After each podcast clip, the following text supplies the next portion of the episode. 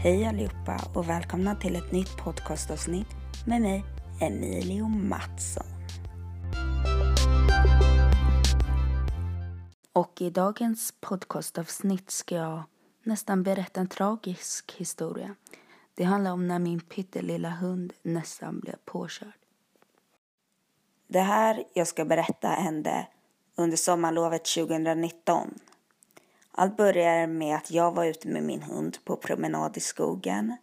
Min hund är ett år och är jätteliten och har nyligen lärt sig att lyssna på en, alltså stanna, sitt och kom hit. Och då kunde jag släppa han i skogen för han har klarat det innan och han brukade springa runt och leka. Min hund heter Sigge och när vi var i den här skogen sprang vi runt och lekte och vi busade och man såg definitivt att han var glad. Och då var han lös. Och till slut skulle jag koppla Sigge. Och jag sprang efter han för att koppla han och han trodde att vi fortfarande busade och lekte. Han skällde och man såg att han fortfarande var glad. Och in till den här skogen ligger det en bilväg med en väldigt lång och brant backe. Den här bilvägen är väldigt farlig för både människor och djur att vara nära. Bilar kommer och går hela tiden. Den är brant och den är lång. Och vad tror ni Sigge gör när han kommer fram till den här bilvägen? När Sigge väl kommit till bilvägen kommer det tre bilar. Det hade inte kommit bilar på säkert fem minuter. Och just när Sigge kom dit kom det tre bilar. Jag sprang efter det snabbaste jag kan. För jag ville verkligen inte att Sigge skulle dö. De här tre bilarna kommer väldigt tätt. Men till slut kommer det en stor lastbil.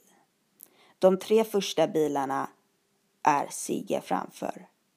Men han springer undan så fort de kommer nära så han blev inte påkörd. Men till slut kom den här stora lastbilen och han körde nog snabbare än de här bilarna oavsett om det såg ut som att den skulle välta bakåt.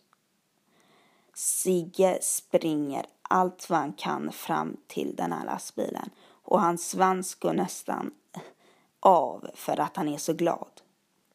Man kan se att lastbilschauffören ser att det är en hund där fram. Och vad gör den här lastbilschauffören? Han fortsätter gasa det snabbaste han kan.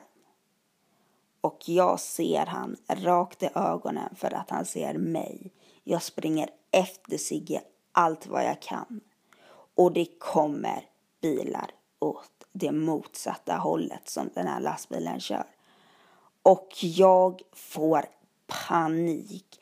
En väldigt stor lastbil som gasar på allt vad den kan när den ser en liten hund var framför. Typ två bilar kommer åt motsatt håll. Och jag nästan gråter allt vad jag kan. Den här backen är som sagt väldigt brant och lång. Och när jag har kommit längst ner till backen så ser jag Sigge. Och jag gråter jättemycket samtidigt som jag springer. Och till slut får jag tag i Sigge. Sigge darrar oerhört mycket och det betyder att han är rädd. Och jag håller om han och pussar han och gråter jättemycket. Och jag ser att Sigge är jätteledsen.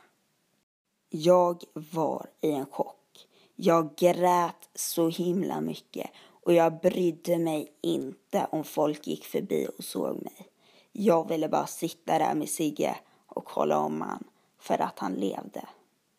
Om han hade varit död skulle jag ha gråtit ännu mer och det skulle ha varit ännu svårare att spela in det här då. Jag gick hem med Sigge och ringde mamma och grät. Och hon lyssnade och vi pratade om det när hon kom hem. Och eh, idag lever Sigge perfekt.